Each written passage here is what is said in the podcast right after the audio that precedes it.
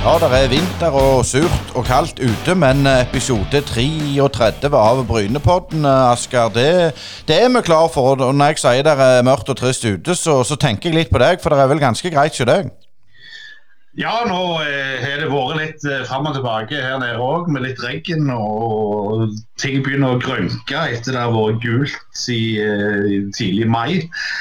Så vinteren her er jo skjebnelig. og god temperatur, eh, sånn rundt 20 kan jeg tenke meg. Ja, så, så da, da sier, vi takk til deg. Eh, men det vi skal snakke om i dag, det er litt om håndball. Og det skal bli utrolig spennende hva Rune Haugseng har å, å fortelle oss. Eh, Nærbø sin Han er vel assistenttrener, men det er jo en primus motor i Nærbø håndball gjennom mange, mange år. Og, ja, hva tror, du, hva tror du han vil fortelle oss? Nei, Først og fremst så tror jeg vi får en interessant historie om en, en mann som både har vært toppspiller selv og har 23 landskamper. og har bygd opp noe ganske unikt eh, på Nærbø eh, i håndballen der. og Det får vi høre litt mer om eh, nå. Ja, Jeg skal bare avbryte litt der. for jeg, Det jeg kommer til å spørre om, hvordan er det mulig å lage et så godt håndballag på en så liten plass som Nærbø? Vil du bo i trygge og flotte omgivelser på Ullandhaug, med gangavstand til det nye sykehuset? Sebo Eiendom selger nå fire boliger på Ullandhaug. Sebo Eiendom har over 25 års erfaring i å jobbe hardt for å skape boliger som vi kan se tilbake på i framtida og være stolte over. På jakt etter bolig? Sjekk ut seboeiendom.no. Sebo Eiendom. Du trenger ikke være stor så lenge du vet hva du holder på med. Ja, vi lovte vi skulle få Rune Haugseng på plass, og vi skal snakke om håndball. Og da er det jo eh, ingen ringere enn en han som må, må, komme. Og velkommen til Brynepodden, eh, Rune. Jo, takk skal du ha. Ja, jeg vet ikke jeg, eh, Asker. Det er jo ikke hver dag at vi er inne på, på håndball, men uh, vi skal vel klare å få en uh, hyggelig prat for det, tror du ikke det? Jo, absolutt. Og vi kan jo bare gå, gå i gang. Altså, Rune, du er jo i den aldersgruppa Eh, hvor håndball begynte altså Du kan huske som ungdom at håndball begynte å bli litt seriøst i Rogaland med, med det gode SIF-laget på, på 80-tallet. Altså, var det en slags inspirasjon for deg når du drev med håndball sjøl? Nei, altså, Først så starta jeg jo med sykling og, og, og, drev med det. og Det var bare litt tilfeldig at de fikk, fikk lure meg med på håndballen eh, når, når, vi begynte på ungdomsskolen. og Eh, jeg hadde ikke noen ambisjoner om, om det i, i, starten av, dette. her. Vi var en god kompisgjeng med, så, av 70-modeller som, som, gjorde det ganske greit i, i regionen. Og, og, så plutselig fant jeg ut at dette var, dette var, mye lettere å spille håndball enn å drive med sykling. For skulle du sykle og være på toppen, så måtte du jo trene fem-seks timer til, til, dagen. Og det, da jeg ble 15 og 16, så så jeg at så mye tid ville jeg ikke bruke på en individuell idrett. og da da passet håndball meg forferdelig godt, for jeg var, var ganske stor og sterk. Og så heiv de meg på, på streken, og da, ble jeg værende der. Men hvordan var den overgangen da? Med, med og, altså Du sier du begynte jo relativt seint i, i, dagens standard, men altså det er greit å, å switche beite, liksom. Jeg tenker ikke på kondisjon og sånne ting, men det er jo en eh, annen idrett, enn lagidrett kontra individuell. Hvordan var den overgangen der? Synes du? Jeg begynte, når jeg kom inn i håndballen, så, så, var jeg 14, og de andre hadde jo spilt håndball da i flere år. Så jeg måtte jo leve på, på den fysiske biten med, med, med den kraften og, og de tingene der som jeg hadde. Og det var vel det som jeg syns eh, jeg fikk utfolde meg ganske godt. For jeg hadde jo lært meg ganske mye med, med den treningen for sykling. For eh, hvis du ikke trente når du skulle sykle, så, så ble du heller ikke øverst på resultatlista. Og det, det fikk jeg nå med meg inn i inn i håndballen med, med, den type egentrening som vi hadde drevet med på en individuell idrett. og det, det er nok det som kjennetegner det som jeg har gjort, og det som vi har videreført inn for, for den gruppa som er A-laget på Nærby i dag. For uh, alle de spillerne der, når, når, jeg fikk lov å ta del i dem når de var, når de var 11, så, så handla det om å, å, trene en time mer enn de andre. Og, og sånn var det jo for min del når jeg når jeg da fant ut at Nærbø var litt for lite for min del hvis jeg ville satse, og da, da passet jo det greit å, å komme seg til, til SIF og, og, være med i det miljøet der som du sier som var, var det store på 80-tallet. Og, og Hvordan var forskjellen da mellom det du hadde bedrevet i Nærbø og å komme inn til det som var da storlaget i Norgemessen på den tida? Forskjellen var jo det at du, det var det jo med, med de beste spillerne i landet. og Jeg hadde jo et, et halvt år der jeg var, var, en læregutt som var med. Og så ble jeg plutselig bare hevet inn i det, og, og vi fikk, fikk noen gode trenere som så at jeg hadde, hadde noe å, å, fare med. og Så gikk det slag i slag. Um, og ambisjonene mine ble litt større enn det det var rom til i, i Stavanger da etter etter halvannet, uh, halvannet år så, så, hadde jeg lyst til å, å, spille mer, og da, da, var det enkelt for meg å pakke bagen og, og reise videre til Kragerø. Eh, bare et lite spørsmål der, Rune. Klart, Når du går fra Nærbø, med all respekt, så er jo ikke det så stort til et miljø som er i norgestoppen. Det høres ut som du sier det var så en lett overgang, men det, det må jo være ganske sjokkerende? Ja, men jeg det er klart det, ikke, det er ikke mange fra Nærbø som har gitt til, til, Stavanger håndball og, og gitt den veien der, men eh, jeg tror jeg har fått mye gratis med, med at jeg har drevet med sykling og, og vet at hvis du, hvis du, vil noen ting, så får du det til, men det, men det koster deg ufattelig med timer med, med trening. Eh, og reis ble det jo mange timer av. Eh, jeg jeg setter jo ganske mange andre ting på vent med kameratskap og de tingene der, for jeg, jeg prioriterte meg sjøl, og, og, og, det ga resultat. Og da, er det jo ekstra motiverende til å, til å gå den veien som, som legger seg framfor deg der. Og um, jeg angrer ikke et sekund i dag på at jeg, at jeg reiste ifra Nærbø for å, for å ta del i noe som var større. Nå, nå er det jo slik at det som som vi gjorde med å reise til byen, det, det var jo helt utenkelig at, at, dette skulle skje andre veien 30 år etterpå. At, at folk fra Stavanger skal reise til, til Nærbø og spille håndball på, på, et, på, et, høyt nivå. Så det, det løye hvordan tida kan, kan, snu på ting som, som, du aldri trodde kunne skje. For um, det, det, er helt sånn utenkelig 30 år tilbake igjen at vi skal sitte her og snakke om Nærbø og, og, og en cupfinale og ligge og kjempe øverst i Norge. Det, det, er, det er mange steiner som er blitt snudd opp og ned her for å, for å komme der med i dag. Ja, det, det, er vel sånn òg at veien fra Nærbø til Stavanger mentalt sett for folk er kortere enn en motsatt. Altså Hvis du er fra byen skal reise til Nærbø, så virker det mye lenger, selv om det er snakk om kanskje en halvtime mot tog i dag. Men, men jeg har litt eh, lyst til å gå tilbake litt med det der med egentreninga du bedrev. For det har jo skjedd en rivende utvikling innenfor sportsvitenskap-feltet eh, siden midten andre halvdelen av 80-tallet. og Var det liksom det at du måtte prøve og feile sjøl og ikke hadde så mye å gå etter, eller fikk du noen program som du jobbet etter? og sånt? Altså, jeg, jeg, hadde jo fått mye fysisk trening fra den individuelle biten med at jeg drev med sykling, sånn at jeg var, jeg var godt trent gjennom den syklinga. Så jeg hadde jo fått en god base som, som lå der. Og så hadde jeg en god fysikk i, naturlig fra fødselen, skulle jeg til å si, som jeg, som jeg levde på. Eh, det som var utfordringen min, det var vel heller det med, med teknikk og å kunne, kunne, ha det. Og det, det utligna jeg med, med, den fysiske biten med å spille, spille på linja der. Og de hadde jo en trener som sa det Rune han kan aldri stusse en ball 40 meter fra det ene målet til det andre. og Det, det er nok mye sant i det, men jeg, men jeg klarte meg på, tre meter. Der hadde jeg god kontroll på, på det jeg holdt på med. Og, og det gjelder å, å, gjøre det beste ut av det du har fått tildelt, og og så må du utvikle de tingene der. Ehm, når, når jeg kom til Stavanger, så, så hadde vi jo Det var flinke folk der. Vi hadde Per Christian Pekka Michaelsen, som var var min konkurrent og, og ble min bestekompis uh, gjennom livet etterpå. Det, med, jeg lærte mye av han og, og de tingene der. Det var ikke så um, ikke si viktig, men det, men det, var ikke så mye personlig oppfølging fra trenersida på den tida der, sånn som det er nå i dag, med, med program og individuelle samtaler og mentaltrening og alle disse tingene her som, som følger med på toppidretten i dag. Slik var det jo ikke for, for 30 år siden. År når toppidretten var i Norge. Det var, det var ikke de tingene som var, var, det viktigste.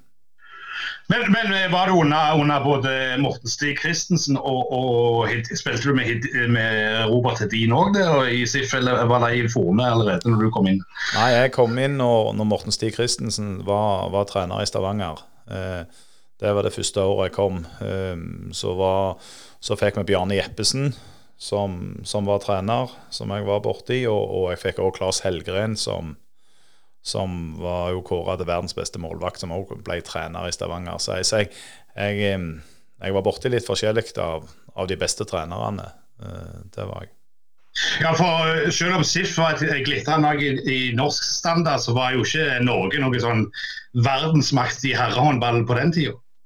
Nei, det, det, Sverige var jo fantastisk gode, og du hadde Russland som var ei, stormakt uten like. Så det er klart at vi hadde jo vi hadde en europacupkamp med, med SIF der vi reiste til Minsk og, og skulle spille. og det, det er klart at du kom ut i noen i et svært militærområde der ute med, med bare skog rundt og en svær, svær friidrettsbane som vi skulle spille håndball på, med, med løpsbane inni, og vi varmte opp og gikk i garderoben.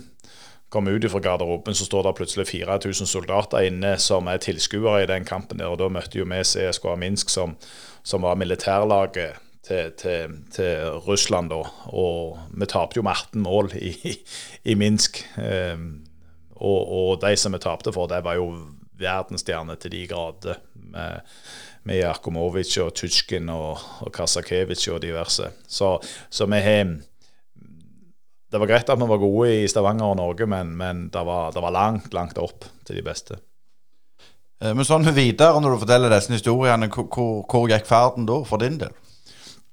Nei, videre da når jeg da hadde vært med på, på det i SIF og, og hadde lyst på mer spilletid, så reiste jeg til Kragerø og, og var med en spiller som heter Simen Moffetangen. Han spilte jeg med på ungdomslandslaget, som, som fikk da lurt meg over der, og, og vi fikk et, et, et kjempelag nede i Kragerø. Og vi, i løpet av de tre årene så, så vant vi en bronsemedalje i, i Kragerø, som, som jo ikke er større plassen enn en Nærbø.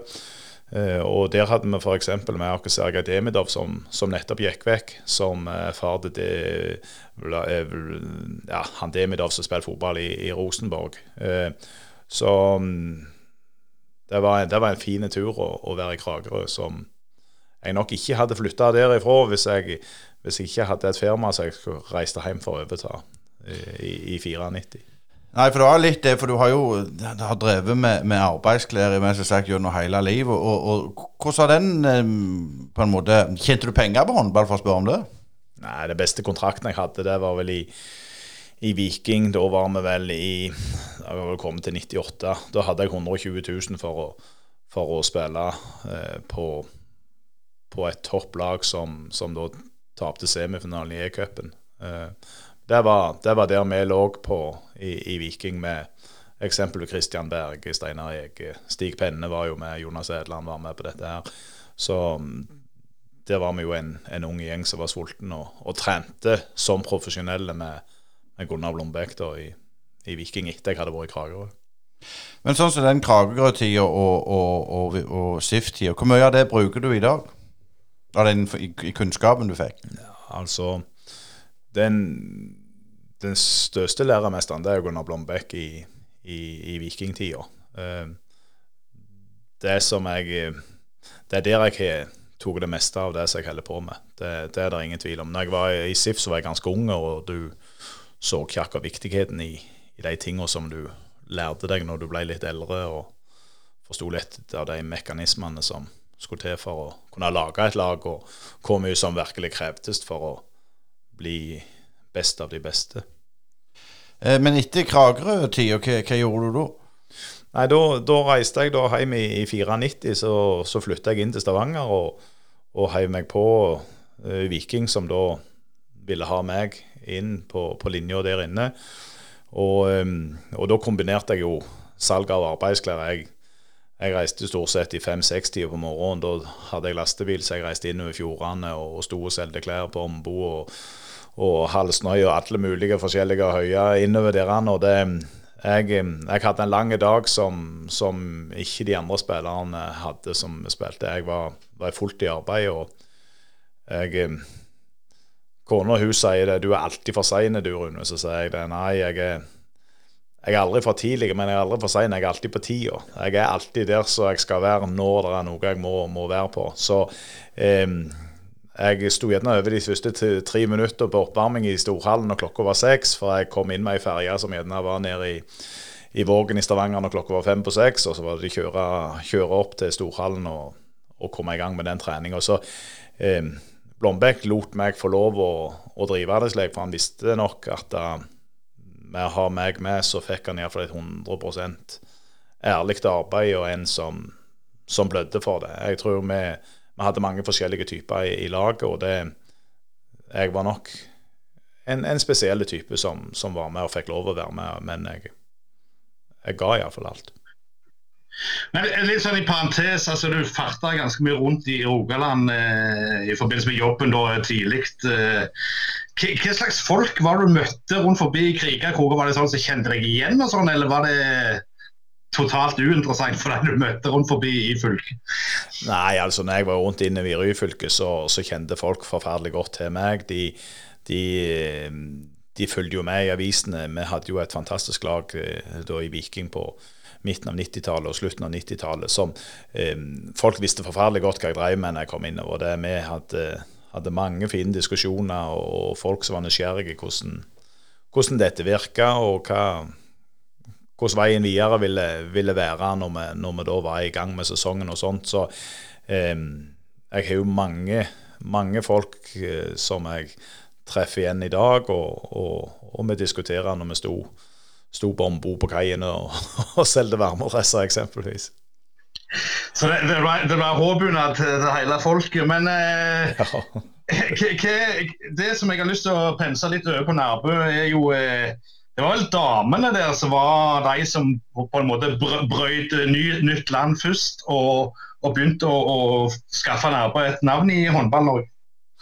Ja, det det var nok damene på Nærbø som, som, var i spissen der. Jeg ser det henger noen bilder i, i, gangen i, i Nærbøhallen der eh, mor til Henriette Henriksen, som, som, jo da tok olympisk medalje for, for Norge. Altså Mora der hun uh, ser jeg henger på, på, veggen der. Men der tror jeg de spilte ute eh, på, på asfaltbane bakom det gamle klubbhuset og danseplanen som var på, i Loen for, for mange, mange, mange år siden. Men så kommer jo den dagen der du eh, av uh, ulike årsaker som kanskje kommer tilbake til, uh, legger håndballen på hylla. Uh, men når er det du begynner å fatte interesse for å begynne å skape noe på Nærbø sjøl? Ja, det er, det er en sånn lang og kronglete historie for å komme til det, men jeg hadde Ja, skal vi se, nå har jeg jo Andreas, som er født i 98, og Kaja, som er 2001-modell. Og jeg, jeg ikke, hadde ikke noen ambisjoner når de ble født, at jeg skulle, skulle drive og være håndballtrener, eller at de skulle spille håndball. Det, det, ble jo slik at det var en gjeng med mødre som, som begynte å trene ungene da jeg var 16 år, nei, 6 år gamle. Uh, og det hadde ikke jeg noe kjennskap til, eller ikke noe føler ute. Og ikke, ikke brydde jeg meg i det hele. Uh, og, og jeg jeg, jeg, sa vel det i gang når jeg så, så Andreas spille håndball, så sier jeg det når jeg hadde vært henta. Han sier herregud, det der det er jo ikke noe hensikt å holde på med det der, for det der, det der kan de aldri klare å få til. Men da var de jo ikke mer enn seks-sju år gamle, og jeg eh, rista jo på hodet av jeg så. og det, Jeg tenkte aldri på at det skulle dras videre. Men, men så skjedde det noe da når, når, når Nærbø og klubben var oppe i Eliteserien da i i 2008-2009, eh, når, når Nærbø rykte opp. Da, eh, da så jeg hjemme på, på, kjøkkenbordet og så så jeg og kikket og, og leste på tabellene. For det var jo slik i Aftenbladet at på tirsdagen så var jo alle, alle tabellene på enten det var fotball eller håndball, sto jo ramsa opp eh, sida opp og sida ned. Um, og da husker jeg jeg så det markerte med en gul penn for, for, å kikke på hvor, hvor står Nærbø hen i, i, dette her. og det den gule pennen den fant stort sett nedre del av, av, av tabellene og markerte ut nærbelag.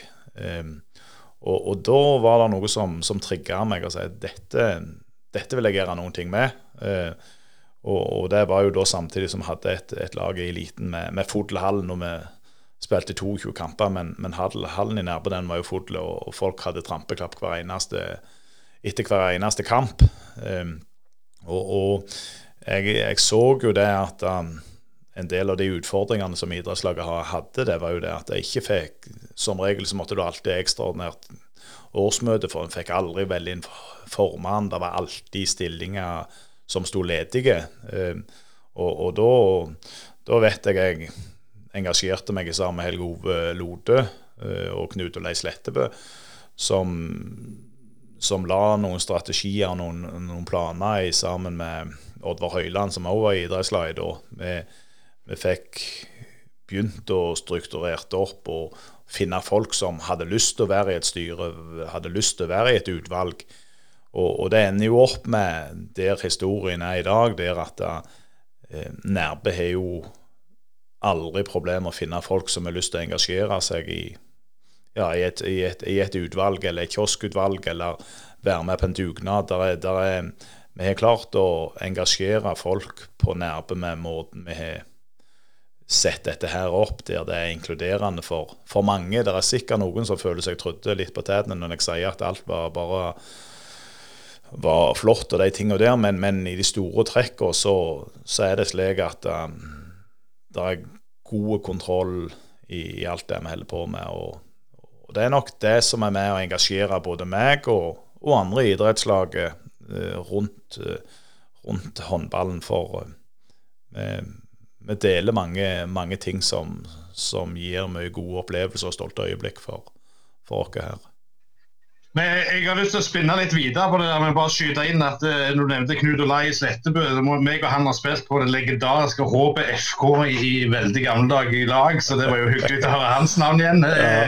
Men uh, det der med at Nærbø-folk eh, på en måte eh, applauderte et lag som vel De tror ikke et eneste poeng, om jeg husker riktig. Eh, er det noe med tya det at OK, vi er blant eliten og det er greit nok, og der kom du inn og sa at det er ikke greit nok. Er det noe der? Altså, jeg Når dette skjedde, så er det klart da begynte jeg å risle litt med, med armer og bein og, og sånne ting. For jeg, jeg, fikk jo da et, et sug for å prøve å lage noen ting som jeg kunne dele med, med mange andre da i den tida der. Og da, da, blir jo det i, sesongen 9-10 eh, der jeg finner ut at denne, nå skal jeg være med og ta, ta, på meg en jobb her, og så skal jeg se hvor, hvor, langt, jeg kan, hvor langt jeg kan dra dette. For um, det var jo da eh, en del mødre som som var trenere for disse guttene her og jentene. og når de da ble 10-11, så ble det jo slik at det ble skilt på gutta- og jentesida. Eh, og, og, da prøvde jeg meg eh, å få lov å være med, men da fikk jeg klar beskjed fra noen av de mødrene med Annelise Risa og, og sånt. Hun, hun, ville ikke ha, ha meg inn på, på trenersida, og det eh, De var nok dødelig redde hva, hva jeg skulle til med. Men, men, jeg fikk nå innpass etter et halvt års tid, og, og vi fikk eh, noen fantastiske år sammen med, med de damene som, som, ble med der. Eh, men, eh, men jeg, setter, jeg, setter, nok ganske klart og tidlig noen mål og hva, hva, vi hadde lyst til, eller jeg hadde lyst til å, å dele med disse, disse foreldrene og ungene. For, for, jeg sa jo det tidlig at vi skal spille eliteserie innen 2020.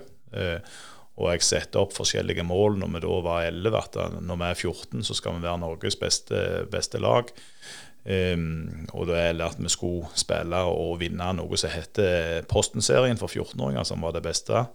Uh, Bring-serien, som da var 16 år, uh, setter jeg opp. Uh, og så er det at mange tror jo det at vi hadde mål å vinne Lerøy-serien som 18-åringer, men den så jeg mange år før at det, hvis vi skulle nå det målet med å spille seniorhåndball, så måtte jeg skyve vekk det med å være Norges beste 18-årslag. Eh, for, eh, for, når vi da ble 16 og skulle inn og spille seniorhåndball, så, så ville det ta såpass mye tid og fokus at du kunne ikke satse på alle de arenaene som, som krevdes for å være Norges beste 18-årslag, men vi hadde helt annet mål uh, framme der. Og det Jeg tror jeg tror og håper at mange foreldrene har sett at vi har, vi har jobba langsiktig.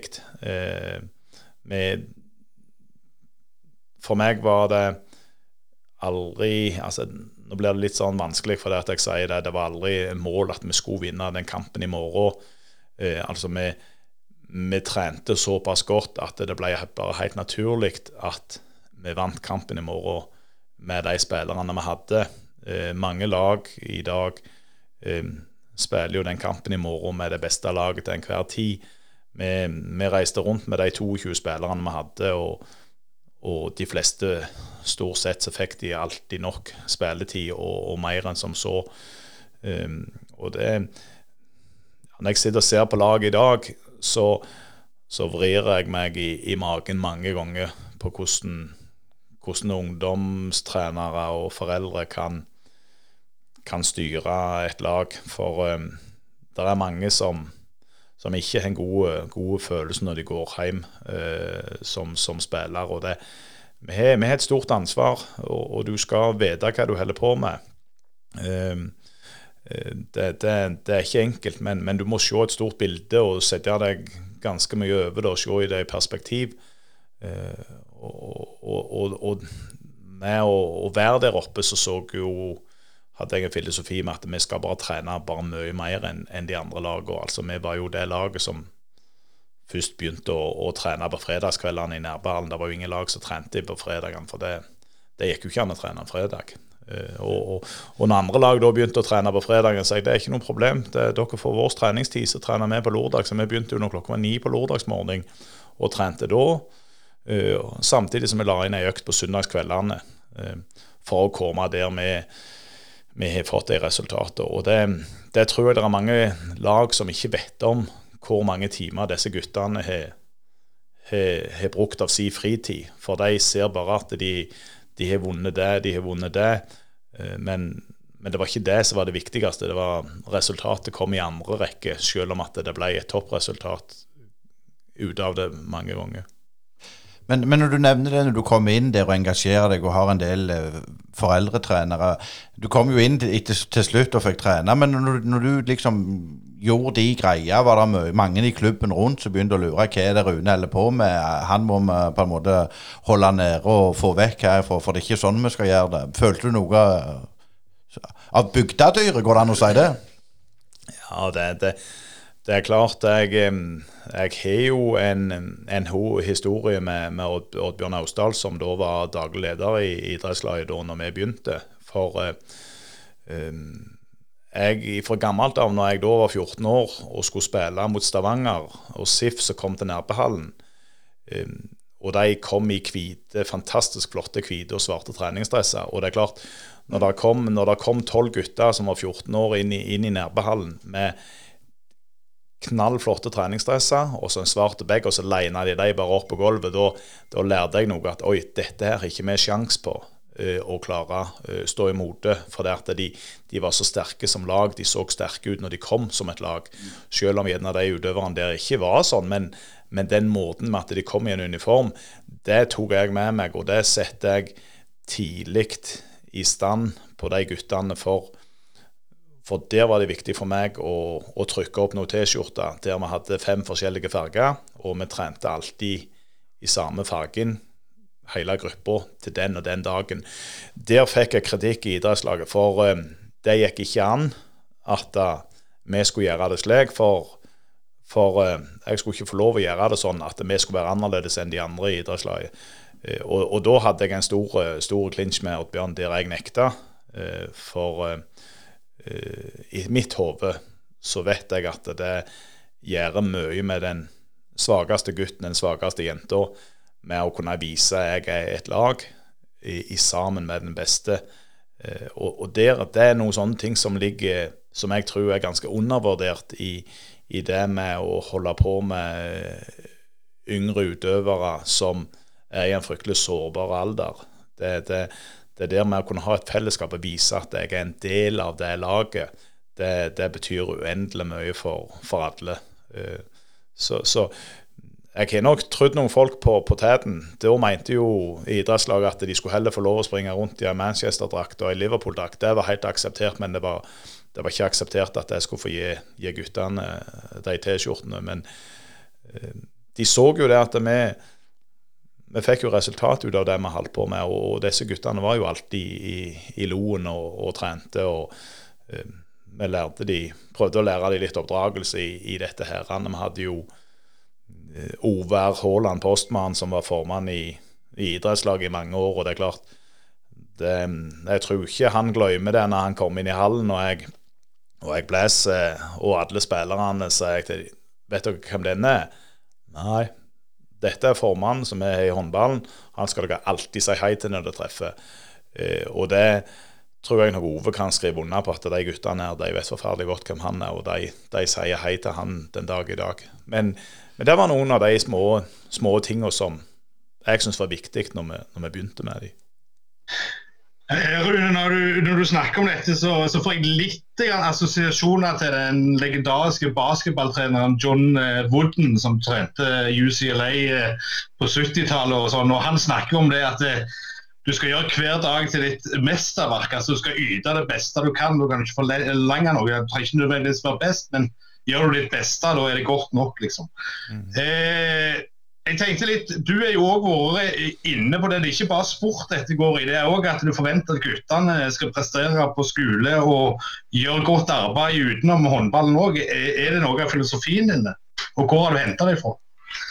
Ja, jeg, jeg, jeg, kan ikke si hvor jeg har henta det fra, men jeg tror jeg, jeg tror mange tider jeg tenk, prøver å tenke litt rasjonelt og litt klart hvordan jeg sjøl ville opplevd og møtt enten meg sjøl eller, eller, de spillerne våre. Eh, og da, da, er jeg dødelig redd at noen skal oppfatte oss som, som noen dårlige forbilder.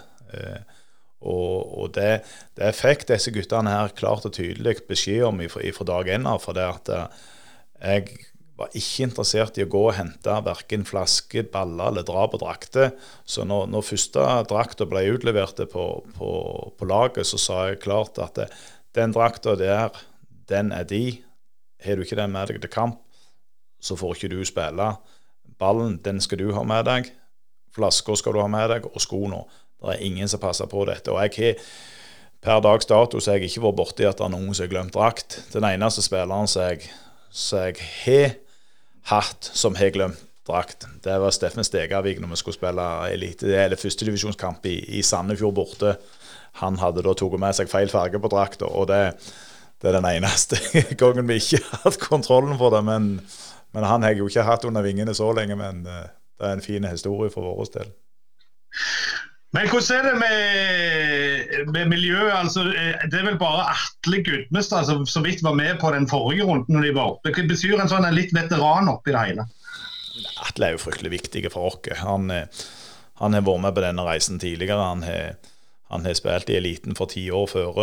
Han, eh, han, er som en far for, for disse guttene når Steffen uh, forsvant. Når han hever stemmen, så, så vet de at OK, der er det. Eh, så nå begynner jo tida til, til Atle å renne litt ut sånn håndball eller håndballmessig at de andre guttene begynner gjerne å bli, bli bedre enn Atle. Men Atle tar jo dette på en strak arm og er fryktelig viktig i vårt treningsarbeid med å kan alle avtalene som vi har, og er en bidragsyter med å kunne kviskre dem litt i øret. Han, han setter ikke seg selv i, i førersetet på, på noe vis. Han, han er lojal for det, det som vi holder på med her, for å få best mulig resultat ut av dette. Eh, du må, vi må fortelle litt om din eh, landslagskarriere, Rune. For det, det er liksom når du kommer fra hår og inn til, til disse fine med, med fint, fine hår og fine parfymer og sånn. Hvordan var den overgangen å komme her fra Jæren inn på, på landslagsarena? Ja, det, det, er klart. Jeg kom jo, jeg kom jo seint inn på landslaget. Jeg var vel en jeg var 28 år da jeg, når jeg kom inn på landslaget. og og Norge hadde jo hatt mange dyktige strekspillere før jeg, jeg fikk den muligheten. Det var, det var, aldri noe Det var ikke noe jeg hadde et stort ønske om eller en drøm om når jeg var når jeg yngre, at jeg ville der. Men, men det, det preste seg fram da i, i 98 eh, at jeg fikk den muligheten. Og eh, da da var det en kjekk, god klapp på skuldra at jeg, at jeg kom inn og fikk, fikk ta del i det der. Men jeg merka ikke det at jeg var for nærme å komme inn på landslaget og sånt. Altså, jeg var, jeg var en etablerte spiller i Viking, og, og vi var vel jeg lurer på om det var fem, fem stykker fra Viking som var på landslaget på den tida der. Så, så det, det, kom litt sånn naturlig, og det var ikke noe hokus pokus. Eh, hva, hva, var dine største oppturer på, med plagget på brystet? Er det noe du husker?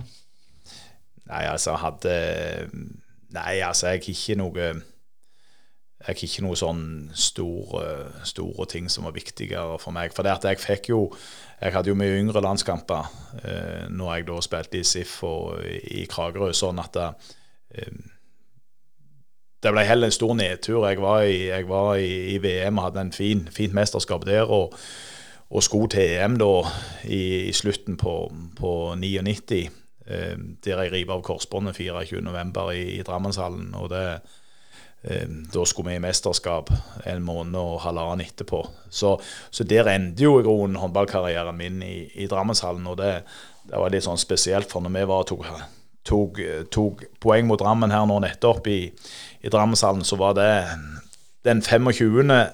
november og x antall år etterpå. Så, så um, det er jo litt mer sånn Drammenshallen har vært en god, god arena og, og, en fryktelig vond arena. Uh, men det er jo der vi på A-laget tok vårt første, første, poeng mot Drammen. Så det, det er oppturer og nedturer rundt. Den siste var iallfall god. ja, ja, det, det er eh, Men litt sånn til, til, tilbake til, til de, de helsa, for den òg har jo vært litt, litt, opp og ned. Eh, fortell litt om det. Ja, nei. Det ble jo da, etter jeg hadde tatt korsbåndet i, i, Og så begynte jeg da å trene meg opp igjen. Jeg skulle spille et år i Nærbø. Eh, og hadde da planer om å reise tilbake igjen til, til Viking og, og, begynne der. Men da hadde jeg Torir med. Torir var trener på Nærbø. Eh, og jeg, jeg sprang i hallen, og plutselig så kjente jeg det at når jeg stoppet å springe, så, så sprang hjertet bare videre eh, med, med en uregelmessig puls. Og, og, fikk sjekka dette her ut med, med turer inn og ut på sykehus og fikk noen sånne holtere for å se hva, hva dette her var for noe.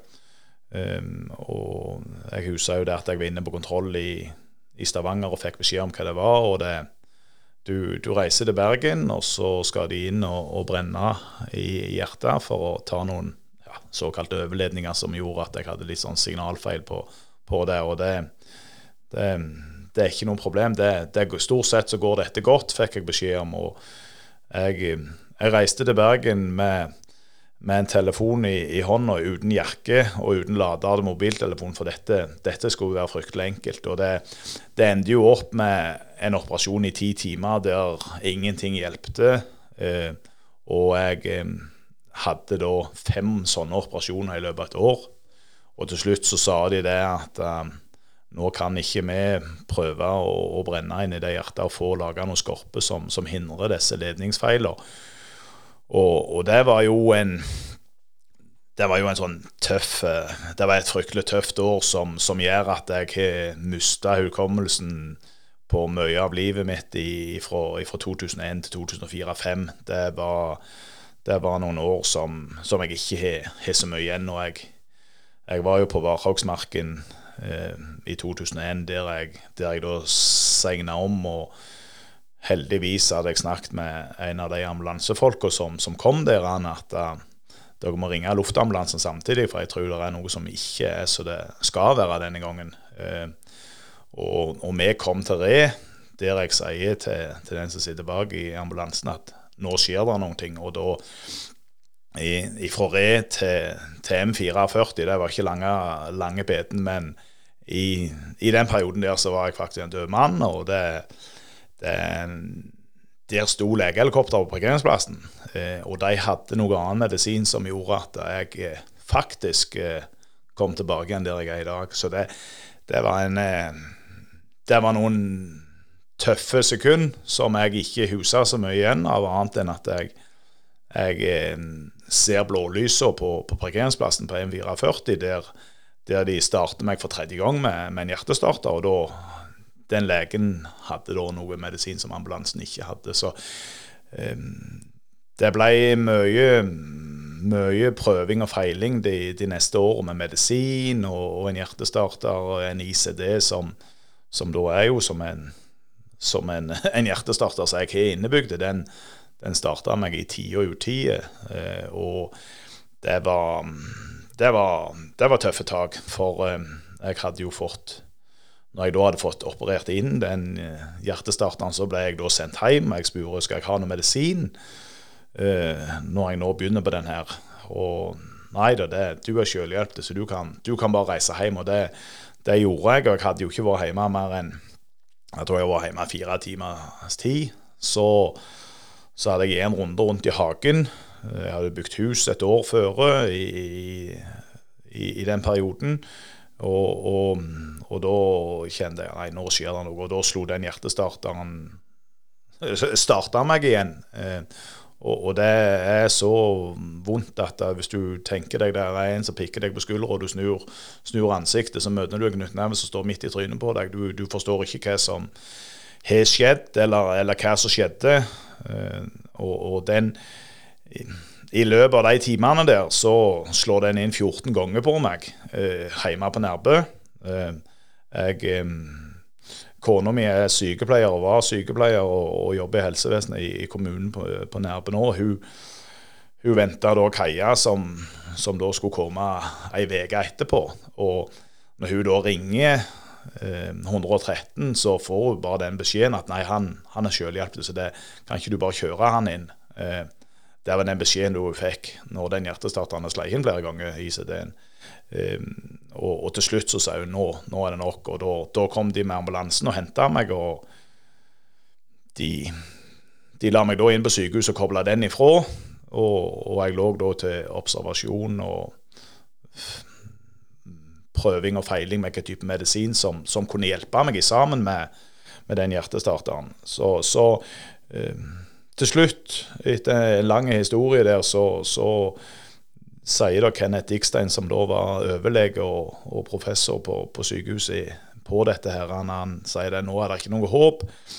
Uh, nå har vi prøvd alt vi kan. Og så helt tilfeldig så snur han seg til en sykepleier der han så spør han hva, hva medisin er det du går på. spør han hun, Og da sa hun en tambokor uh, hjertemedisin. Så sier han det den har vi ikke prøvd. Vi skal prøve den på deg, Rune, samtidig. Uh, det var det siste utveien jeg hadde. Uh, og det var plutselig innertier som, som, gjorde at noen små tilfeldige ting uh, iallfall gjorde det at jeg har fått en mye lettere hverdag som jeg kan leve helt, helt likt som, som de, alle de andre som, som hører på og, og er oppe og går på to føtter. Men når du da eh, kommer holdt på å si, til hekten igjen, altså, hva har den prosessen gjort med sånn du ser på livet generelt? Den, eh, den prosessen der har helt klart vært med å forme meg eh, på måten jeg er eh, så, som person, og måten jeg utøver de tingene jeg holder på med. Tidligere kunne ting være et stress og et jag og, og sånne ting. Jeg har blitt mye roligere. Jeg, eh, de tingene jeg ikke får gjort i dag, det, det gjør jeg i morgen eller en annen dag. Eh, selv om jeg får tid til det meste hver eneste dag, så, så, så er jeg en mann som nok Jeg arbeider nok og tenker over 24 timer i døgnet. Det, det tror jeg nok jeg gjør med, med det som jeg holder på med. Det er jo mest et årsverk i, i, i Nærbø i, i året. Det står vel nevnt at du var oppe i 1400 timer iallfall dette året. Hvordan eh, tenker du rundt dette her med, med, med spillerutvikling? Altså, nå har du fulgt en gjeng fra de var ganske unge og så oppover. altså det er jo en debatt som alltid går når skal en begynne å toppe, når skal en begynne å øke treningsmengder osv. Hvor, hvor, hvor ligger du i den løypa, og hva er din filosofi? Altså, det som jeg har opplevd, det er det at ungdommen i dag de trenger noen som ser dem. De, de trenger vite hvor er grensene. Um, og, og, der tror jeg mange glemmer faktisk det. For det, de, de forstår ikke viktigheten hvor, hvor mye tryggheten har å si. Uh, for en, for en, utøver som er på det mest såra, der driver vi og presser fram resultat. Uh, og, og, og, da må du da må du lære utøverne kjenne. Må, de må få vite hvor, hva, hva regler jobber vi etter, hva, hva, hvor ligger linjene her? Altså det, det var som du spurte her. For meg så det var viktig at de skal ta en utdannelse. Og, og det orden og struktur på ting, det, det må vi lære av de. Eh, de 98-erne har aldri tatt seg fri ei trening fordi at de skal ha eksamen i morgen. De, de har alltid hatt full orden på, på det med skole for, for struktur. Det, det, krever vi å, å, ha på plass. Ikke på, ikke på en streng måte, men, men, på en veiledende måte som, som, gjør at de forstår viktigheten med å, med å ha orden på ting. For når du da har sagt sånn er det, vi holder oss innenfor dette, så er det en trygghet for, for de å være med på. Uh, hvis, ikke, hvis, grensen skal flyte, så, så, så, er det ingen som vet hva som er rett og gale. Og det, det er nok noe av det som har vært filosofien min bak, bak det vi holder på med her. Vi, skal se dem, vi, skal være der når de trenger, når de trenger, trenger den hjelp og veiledninga. Eh, jeg hadde en samtale med, med Alf Inge Bersen hvordan han hadde gjort det med gutta 98 for eh, gutta 99 på, på Bryne med angående foreldrene. Eh, for jeg, når vi reiste rundt på turnering, så var det viktig for meg at foreldrene og spillerne de reiste i lag. Eh, og, og, der hadde han et helt annet syn. Eh, vi, vi lå enten vi sko på, på en turnering, og hvis vi lå på et hotell, så var det viktig for meg at spillerne lå på rom med foreldrene. Eh, for hvis det til at en, en, utøver hadde hatt en mindre heldig dag på, på, på trening eller, eller, på kamp, hvem er da den tryggeste personen å kunne dele dette her med? Jo, det må være foreldrene. Eh, og kan være en støttende person. Altså Ligger der to, to utøvere på, på, samme rommet som er 14-15 år, og den ene har gjort det kjempegodt, den andre har gjort det dårlig og er, er lei seg. Det er klart, Du er ganske ensom når du da er på et rom alene og har gjort det mindre godt. Derfor var det en, en, en tanke og en, og en idé som jeg bare har videreført på, på det vi holdt på med. At foreldrene skal involveres så mye som mulig. De de, de skal være med og, og, sette opp og lage mat til spillerne. Alt er under kontroll. Bestille bord som går ut og eter på på kveldene. For, for utøveren syns òg dette er trygt, med å kunne se at foreldrene er der. Altså, de, det er nok av de som har blitt sendt rundt på turneringer der aldri foreldrene har vist seg. De har sett sin mulighet. OK, nå, nå er ungene vekke, nå kan vi få lov å reise på byen. Altså, Utenkelig i min verden at en en unge skal, skal sendes alene rundt. Eh, hvis det er ikke er andre ting som, som gjør at det ikke var mulig. Det, det, det, er jo helt klart. Men Var det enkelt for deg å få med foreldrene på, på, på det opplegget du foreslo? Ja, vi har vært kjempeheldige med, med foreldrene. Det har vært ei fantastisk gruppe rundt om alle disse guttene herrene som, som alltid har stilt opp. Vi hadde jo um, når vi da var 11 år, så sa jeg at vi skal reise til Barcelona på håndballturnering når vi er 16, som er en avslutning for, for helt sikkert noen av oss. Og det, vi reiser til Barcelona med var det 19 spillere, og vi er 63 personer som reiser rundt laget ned. Det, det, det, er bare sånn historie som det skal mest ikke kunne gå an. Eh, fem år fram i tid, og så, og så lykkes vi med det. Og, i sammen med det som er i dag, med at du får så mange til å drive og, og spille håndball, det, det, det, er kjekt. Vi hadde jo Leif Gunnar Smerud her for noen eh, episoder siden. Han sa det når det gjaldt eh, hva agenter spurte om eh, på, på spillere. Det var, var de profesjonelle, og kan du stole på dem? Er det noe du kan stille deg bak? Ja, det, det, det kan jeg jo helt klart stille meg bak. og det, det er sånn jeg har vært på forskjellige foredrag og, og trenerkurs og forskjellig. og det, Alt det som jeg har gjort, har jo vært det er jo stort sett vært selvlært. Jeg jeg tatt en topptrenerutdannelse på nå de seneste årene for at eh, klubben og, og, vi skal være forberedt til å kunne stå i en e-cup, så må vi ha trenerpapirer i orden. og Det har jeg jo tatt da i nå på slutten av dette. Men, men alle de trenerkursene jeg har stått og, og vært på, så når du da får opp forskjellige slides som, som sier hva som er viktig for å, å nå de tingene på, på, en, på, en, plan og en strategi framover, så er det sånn Jeg vet ikke hvor mange ganger jeg har kryssa dette her ut i, i, tankene mine. OK, ja, der traff vi, der traff vi.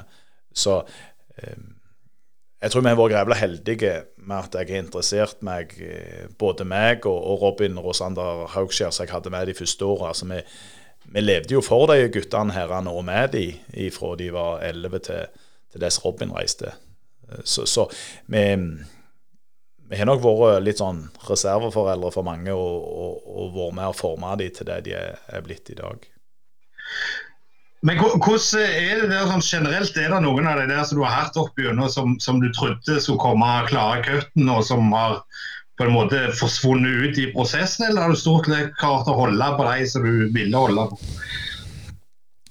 Jeg ville jo holdt på alle hvis jeg hadde hatt sjans. Det, det, det, skal jeg ærlig innrømme. Jeg har hatt det fryktelig vondt eh, de gangene det er noen som har sagt at de vil gi seg, men jeg har hatt et forferdelig fint forhold til de som, de som har hoppet av. For de har faktisk vært såpass voksne at de har spurt kan jeg få lov å komme hjem til deg, Rune. Og det når jeg har fått det spørsmålet, så, vet, så har jeg forstått fort hva som kommer til å komme. og det da har de sagt at uh, jeg vil prioritere noe annet, jeg, jeg vil bruke tida på noe annet. Men da, men da, er det sånn Det gleder meg når de utøverne faktisk er såpass voksne at de tar den samtalen som 15-åring, som 16-åring, eh, og kommer til en voksen person og sier at 'jeg vil faktisk hoppe av', eh, det står det respekt av. Det, det hadde jeg aldri trodd at uh, en så ung gutt hadde tort å gjøre. Men, men, jeg tror at vi har klart å få det til med måten vi har drevet dette her, at de, de har følt seg delaktige, og, og til, tilhørigheten har vært store.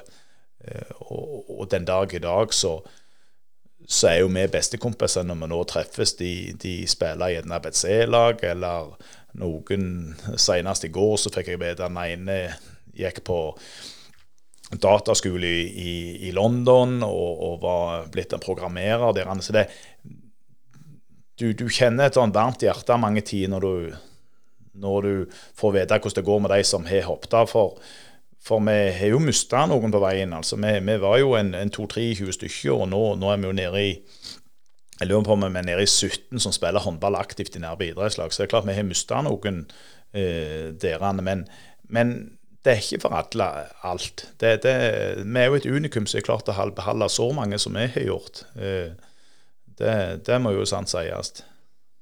Ja, det har du jo eh, ordna deg for, for dataanalytikeren i, i, kommende år. Men, men eh, det at Nærbø har klart å bygge opp den stammen lokalt, det er jo ikke ubegrensa med folk som bor på Nærbø. Rundt 7000, tror jeg.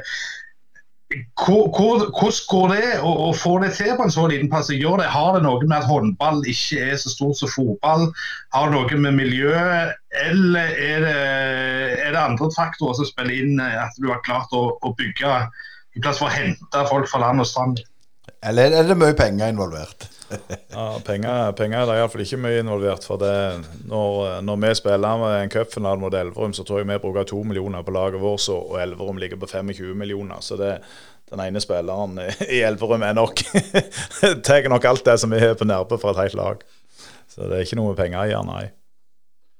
Nei, men, men eh, så, så skal jeg spørre om hvordan er det mulig?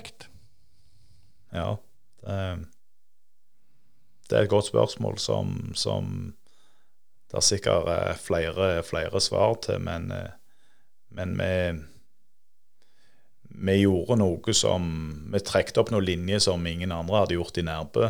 Eh, og det, det tror jeg vi klarte å trigge mange på, for, for, det var litt sånn annerledes mot strømmen å, dra den linja her. For det er greit du kan si det, men du skal ha folk til å gjøre det. Eh, og det, det, er ikke alle som har den muligheten til å bruke såpass mye tid som, som jeg har gjort i sammen med de andre trenerne som har vært med. For, for det krever fryktelig mye, og, og det er ikke minst så, så koster det mye. For det er klart det, jeg har betalt ganske mye av dette her sjøl med, med, å ta meg fri for å, for å, å lykkes for, for, de utøverne, og ikke minst for, for nærbo for klubb.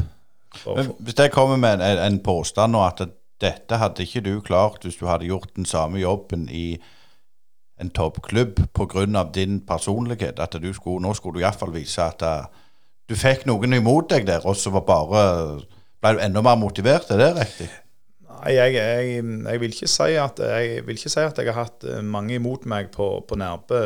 Og jeg tror ikke jeg, jeg er ganske lett omgjengelig med Jeg kan gå med hvem som helst. Eh, jeg har ikke noen problemer å, å, å fikse de tingene der. Så jeg tror jeg hadde fått til dette her eh, hvor som helst. Jeg, jeg, jeg, er ganske sikker på at jeg skulle ikke trodd mange på teten. Men, men, men vi, vi, gjorde jo noen ting som ikke var gjort tidligere i idrettslaget. Så det er klart at vi måtte jo trø opp stien for, for oss sjøl og, og, for mange andre lag i klubben. Da. Så nå kommer det jo gode håndballspillere på gutte- og jentesida av all mast nedover på, på, på Nærbø. Men, men, det som jeg sier til trenere og, og, folk altså Det skal ta meg fire måneder å ramponere et lag og rive det helt ifra hverandre.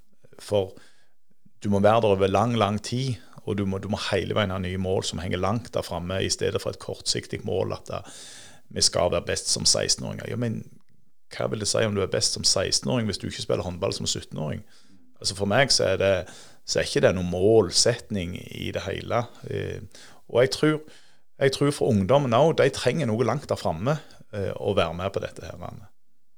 Eh, litt sånn med tanke på, på den eh, samarbeidet med fotball og håndball. Jeg har jo faktisk vært selv vært trener i Nærbø. Det kan jeg skryte litt på, Asker. Jeg, jeg, er seriemester med, med Nærbø sitt juniorlag, visste du det? Nei, det tror jeg ikke jeg visste, og det er jo best å glemme så fort som mulig. Ja, men, men, men, hvordan er den? Er det noe sånn Jeg vil ikke kalle det rivalisering, men, men har det vært noen uenigheter med, med tanke på, på prioriteringer på, på, den økonomiske biten på fotball og håndball? Ikke så jeg er bekjent i, i Nærbø. Det, det, er det ikke. For eh, det har jo vært et sunt idrettslag i alle år. Eh, og, og, nå er det jo slik at det er fryktelig god tone mellom alle gruppene i, i Nærbø. Tidligere så var det jo mer en, en krig mellom håndball og fotball, men det var jo i de tidene ingen var, ingen var best på noe vis. Men, men alle kjempa og, og skreik og, og lagde mye støy for hverandre. Nå er det fryktelig gode toner i, i de tingene som vi holder på med. Det er det. Hvis vi skal trekke det litt videre, altså hvordan er forholdet til, til naboklubbene? Bryne har jo ja, det er jo hatt litt sånn opp- og ned-forhold til, til satellittklubbene, hvis du kan kalle det det. Men, men hvordan jobber dere inn mot si, Varhaug, eh, Vigrest, eh, Bryne, Vollgård eller hvem som helst? Det, det, var jo slik det var tidligere, at alle kjempa mot hverandre og lagde mest mulig, stakk jo mest mulig kjepper i hjula. Eh, der har iallfall vi på håndballen prøvd å, å lage noen gode, gode tunneler imellom, de forskjellige klubbene. Vi, har nok uh, sikkert henta noen spillere Nærbe har nok henta noen spillere som gjorde at det var noen lag som fikk problem, uh, både sør og nord for oss. Uh, men jeg tror sånn som tingene har blitt nå, så, så, tror jeg vi har et godt forhold til, til alle, håper jeg. Alle de klubbene som er rundt. For for vi skal jo avle fram såpass mange at vi må sende de ut igjen. og, og la de være i andre klubber, slik som er gjort på guttasida nå. Altså, ser en inne på Sandnes, er det ni stykker fra, fra Nærbø som spiller førstedivisjon på Sandnes. Vi har to stykker som spiller inn i SIF. Eh, vi har en som spiller i Viking TIFF Bergen, som spiller i førstedivisjon. Og, og det er altså, da er du oppe i 12-13 spillere fra Nærbø som vi faktisk har delt ut igjen til andre klubber for at de skal få høyne nivået. Eh, så, så, dette er jo en ball som du måtte kna litt i den, og så måtte du trø noen på, på føttene med at du reiv i noe lag, men så tror jeg den skal begynne å rulle og bli så stor at da, eh, dette kommer til å være en gode for, for alle klubbene rundt uh, i, i, området her. For det, faren her er jo det at um, håndballen gjerne dør ut med at folk uh, ikke gidder bruke så mye tid på det, men vi skal lage det så kult og, og så tøft at folk uh, har lyst til å spille håndball. Det, det, er en del av de som ligger bakom det vi på med. Men, men, eh, føler du det at eh, altså Det er jo mange unge som har lyst til å prøve ut ting. Eh, og Kanskje når vi vokste opp, så var det jo varierte, du prøvde litt forskjellige ting. og sånn, altså er det for lite mulighet i dag for unge altså da snakker jeg opp til 12-13 å prøve ut andre ting og kanskje hoppe av etter tre treninger og begynne på skiskyting? Gud vet hva, men, men liksom Føler du det er noe der vi kan hente igjen? Ja, det, altså De tingene der er jo fryktelig viktige. At de får lov å være med på, på, på de tingene som ligger i nærheten. Altså Alle de guttene som er oss, de har spilt hockey på Nærbø når, når det begynte. Jeg tror det var mest uten unntak så har alle vært spilt hockey. Alle spilte fotball. og flere av de var med i turnen når de var små. men så, så er det nok noen som av de som har vært ivrigst, de er jo de som står opp i dag eh, og, og, driver den idretten og, og har vært villige til å bruke såpass mye tid. Det, sånn vil det jo være uansett. Du får jo aldri alle til å være med på noen ting. Men eh, de trenger ikke velge håndball eh, tidlig, og det er det ingen som gjør på Nærbø. De, de, er med på, på, flere forskjellige avdelinger til dess de, de velger, velger noen ting sjøl, eller de har noen trenere som er engasjerte, og noen foreldre som er engasjerte for, for, å få til noen ting. Og det er klart, Der har håndballen vært litt heldig med at du kan, du kan være inne i varmen. Du slipper å stå ute i nordavind og, og være gjennomblådd eller, eller, de tingene der, eller stå i en hockeyhall der du gjerne må fryse litt mer enn, en inne på en håndballbane. Så Sånn sett så har vi på håndballen noen fortrinn gjerne. Men eh, nå, nå, om dagen er jo holdt på å si, det store jærska navnet i, i, verden er jo Erling Braut Haaland. Og, han spilte jo også håndball yngre. og Har du noe minne fra han som håndballspiller? Nei, jeg har ikke vært borti Erling, men hadde du spurt Tord, så hadde så har nok Tord og Erling eh, kjempa noen ganger der. Og det, det er litt sånn finslig når du sier dette med Erling, for det at eh, vi har jo et mye større fotballtalent eh, i ungdommen enn det Erling var. det er Tord påstår det at han var mye bedre enn Erling. sånn at da, eh, hvis du kan sette de to i sammen og få de til, til, å bestemme hvem som var best i håndball og i fotball, så det var en fin historie å høre på. det skal vi prøve å få til. Der har vi et godt tips, Rasker. Men vi må innom litt eh, Du har jo òg ei datter som spiller. Kaja spiller vel i, i, i Tartnes, og Andrea spiller vel på, på ditt lag. Og så har du noen onklunger i Tord og Rasin. Og er, er det en Altså, jeg, Deg vet vi jo, men, men det, dine, din bror er det vel da som har deg. Var han noe håndballspiller? Eller er det du som har dratt dem med? Nei, jeg, de har, en mor som, som, var flink i håndball. Lene Ånestad var en, et tvillingpar på Varhaug som, som, var flinke i håndball. Um, men det, det, er jo slik at de fleste spillerne som, som spiller håndball i dag på, på A-laget, de har, foreldre som Eller en del av de har iallfall spilt håndball. Så det, jeg tror, jeg tror tidlig syns mange dette var kult å være med på. Uh, og en annen ting som gjerne altså det, det, er gjerne litt farlig, det jeg sier nå, men jeg, av de som spiller håndball hos som er født 98 så er det ingen som er skilte foreldre. Og det, det syns jeg eh, Det hadde vært artig å funne ut hvorfor er det slik at de som spiller, har en trygg familiesituasjon i bakhånd. Det Gjerne jeg banner litt i kirka med, med, å si dette, men det er faktisk realiteten i, i det vi har gjort opp gjennom herrene. Ehm, og det hadde vært spennende hvis det var noen, noen, noen, som kunne sagt hvorfor det er slik hvorfor de holder på lengst. Du setter ut en, en, en, Det var faktisk en, en, noe som folk burde forske på, faktisk. Ja, jeg, jeg har tenkt på det noen ganger sjøl. Hva er det som gjør dette her, at, at disse utøverne er med? Interessant. Eh, vi må òg videre til, til, noe som skjer. Eh, nå er det jo denne covid med 29.12. Da er det jo en milepæl for, for Nærbø. og Jeg regner med du òg gleder deg? Ja, jeg gleder meg en hel haug. Og det Jeg gleder meg med en, en litt sånn bismak. Eh, for jeg har, jeg har prøvd å få forbundet til å ikke spille den kampen. Eh, Pga. situasjonen sånn som den er den der i, i dag. Eh, for meg så kunne jeg tenkt å, å delt dette her med, med 3000-4000 mann fra Jæren som jeg tror hadde kommet og reist inn til Oslo på, på en cupfinale. Jeg tror vi hadde, vi hadde, klart å lage noe helt spesielt i Oslo med, med å få, få, lov å ha fullt med tilskuere. Eh, nå, nå, blir det slik at uh, det blir kun 200 mann som får lov å være på den. Nærbe Nærbø får 75 billetter. Uh, og det, det, er fryktelig trist når dette er en enorm happening for, for hele Jæren at vi har kommet til en cupfinale. Så det, Spennende, spennende finale, men med litt vond smak i, i moren som jeg ikke kan dele med dere.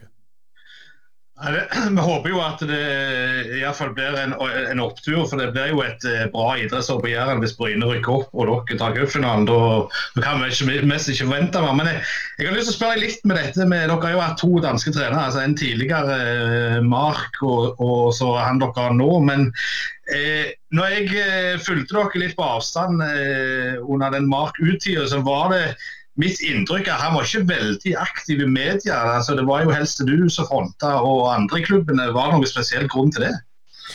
Nei, det, det har det ikke vært. Og eh, jeg sier det både til Heine og jeg sa det til Mark. altså eh, det er ganske enkelt for mange av journalistene å ta tak i meg, for jeg, nok, jeg byr nok gjerne på meg sjøl og, og mye. Eh, Mark hadde litt problemer med, med, språket som gjorde at noen hadde litt problemer med å forstå hva han sa. Det var iallfall slik på noen av sponsortreffene. og Så kom de og så spurte de og henvendte seg om jeg kunne, kunne komme og ta det. Men eh, jeg, jeg føler det at vi, vi på Nærbø har hatt eh, noen flinke trenere som har vært flinke å, å likestille oss og eh, ikke sette seg sjøl i, i, i, framkant på noe vis. Altså Både Mark og, og Heine er de som utøve det meste på, på, treningsfeltet. Jeg er med og diskuterer hvordan jeg ser for meg, og hva ting som jeg føler kan være viktig å, å, å øve på. Og, og, Derfor har vi vært et, et trenerteam likt som, som, det var når Robin var her. For jeg tror to hoder tenker bedre enn ett hode, og det har vi bevist opp gjennom de årene at, at, vi har vært gode på det å kunne tenke i lag.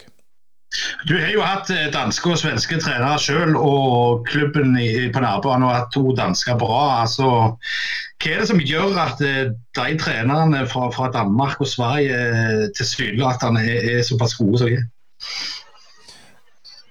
For meg så er det viktig å ha, ha trener som, som, kan være med å utvikle oss. Når vi, når vi henta Mark, så hadde jeg mange trenere som vi var i intervju med. Og jeg hadde, hadde en svenske trener som var både olympisk mester og verdensmester med Sverige på, på intervju. Men jeg, jeg kjente fort når, når, det intervjuet var avslutta, at dette er ikke noe som jeg kan være med og stå bak. Eh, og da var det viktig for meg å hente Mark med en person som hadde lyst til å utvikle og så et potensial, og ikke, ikke bare så resultat.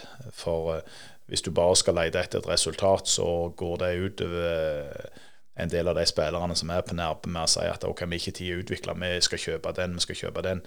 For, eh, for meg så har det vært det viktigste å finne, finne folk som skal utvikle og, og, dele med seg til de, til de utøverne som er med. Eh, tida går, eh, går, fort når vi har det kjekt, Rune. Men litt tilbake til cupfinalen. Nå er jo Sola-jentene òg eh, klar for cupfinale. Og Rogaland er jo blitt et, et skikkelig håndballfylke, og det var du jo òg når du var, var, ung og sprang rundt. Jeg skulle si, Er, er ringen slutta nå, eller, eller, vil du fortsette å, være, å bidra på Nærbø?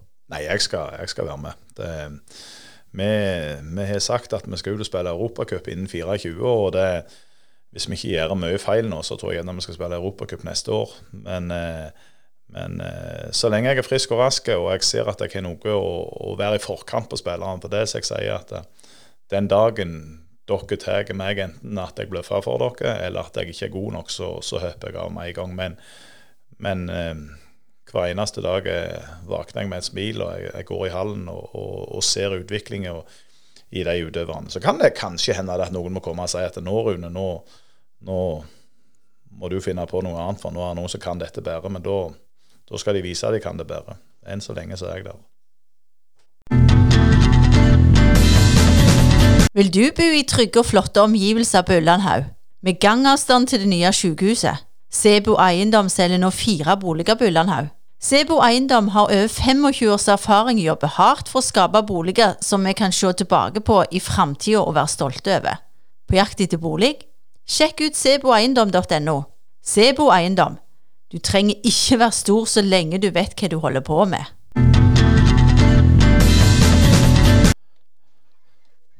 Da lakker det og ler holdt på si mot jul, men episode 33 eh, den går mot eh, slutten, Asker. Og utrolig kjekt å høre på, på Rune. Ja, eh, utrolig kjekt å høre på Rune og få høre litt og, og snakke med han om ting. Og for min del, eh, som er langt vekk i stedet, så, så, er det jo veldig interessant. For jeg har jo ikke fått med meg dette på nært hold. og rett og slett eh, bli litt klokere om hva nærme håndball er og har handla om. Eh, og du som sitter litt nærmere eh, hendelsene, hvordan syns du dette var? Nei, Jeg syns det var utrolig interessant. og er, Det som er litt kjekt å se, veldig bevisste på hvordan klubben og hvordan alle har handla det når de fant ut at nå er, vi, nå er vi på gang. Da fikk alle med seg dette, og bygda var med, media var med, og det tror jeg er grele viktig at det skal lykkes. At en får med alle, så er det jo selvfølgelig alltid noen sånne som er imot alt og alle, men, men i store hele så har Nærbø blitt, eh, blitt håndballklubben på Jæren, vil jeg si. Ja, ja, utvilsomt. Eh, og det er selvfølgelig interessant å se framover, det er jo det at eh, i hvilken grad de klarer å holde dette oppe og holde det gående eh, i lang tid framover. Selv om, om, Rune skulle tre tilbake, men han hadde jo ikke noen planer om å gi seg med det første. i hvert fall. Nei, jeg tror, ikke, jeg tror, ikke, han gir seg så lett. Og, og det blir utrolig kjekt når den uh, cupfinalen uh, håper han blir spilt, selv om det er med lite tilskuere. Skulle de vinne den, så er det jo helt fantastisk uh, prestasjon. Det ble vel mest det samme som Bryne når de vant i, i 87, og det snakker en om ennå. Så, så får vi bare håpe at, at Nærbø klarer å holde seg lenger. og Hva tror du? Ja, Det er vel det største som er skjedd på Nærbø siden Jarlsbergosten, hvis de skulle vinne cupfinalen, ja.